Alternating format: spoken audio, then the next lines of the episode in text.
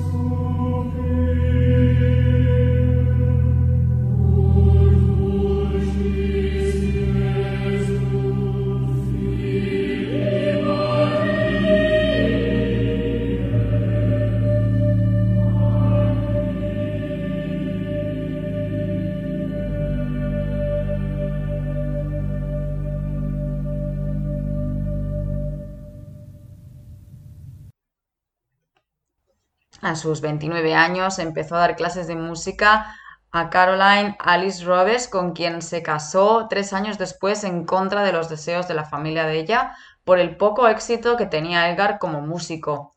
Elgar le dedicó una pieza para violín y piano, la famosa Salud de Amor, como regalo de bodas. Durante los años siguientes su mujer fue su representante y también su apoyo moral en toda su carrera. Se trasladaron a Londres y Elgar empezó a componer. Durante esa época empezaron a asistir a conciertos para escuchar música de otros compositores y entre ellos tuvo contacto con Berlioz y con Wagner. Su estancia en Londres no representó un éxito como compositor y tuvieron que volverse para ganarse la vida dirigiendo y haciendo clases. Vamos a escuchar esta pieza, ese regalo de bodas de Salud de Amor de Elgar, versión interpretada para violín de Isaac Bellman y piano con Rohan da Silva.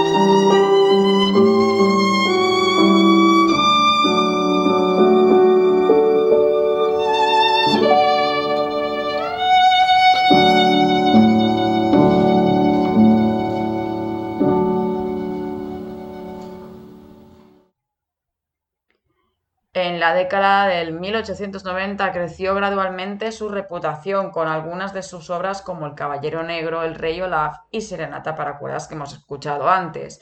Elgar fue captando la atención de críticos y a pesar de que lo solicitaban como compositor para festivales, apenas podía sustentarse económicamente.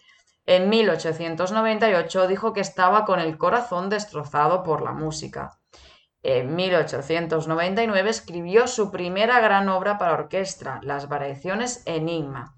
Esta pieza tuvo una buena recepción por su originalidad y fue muy bien recibida en países como Italia y Alemania, dado que tenía mucha influencia de algunos aspectos musicales de la Europa central. Otro gran éxito de Elgar fue El sueño de Geronte, un oratorio para solista, coro y orquesta. Esta obra alcanzó prestigio rápidamente y actualmente es una de las mejores obras de Elgar y del mundo coral inglés. Gracias a esta obra, el mismo Richard Strauss estaba muy impresionado por la progresión de este compositor inglés. Vamos a escuchar un fragmento del sueño de Geronte, el preludio, que es esta pieza en forma de obertura de Elgar.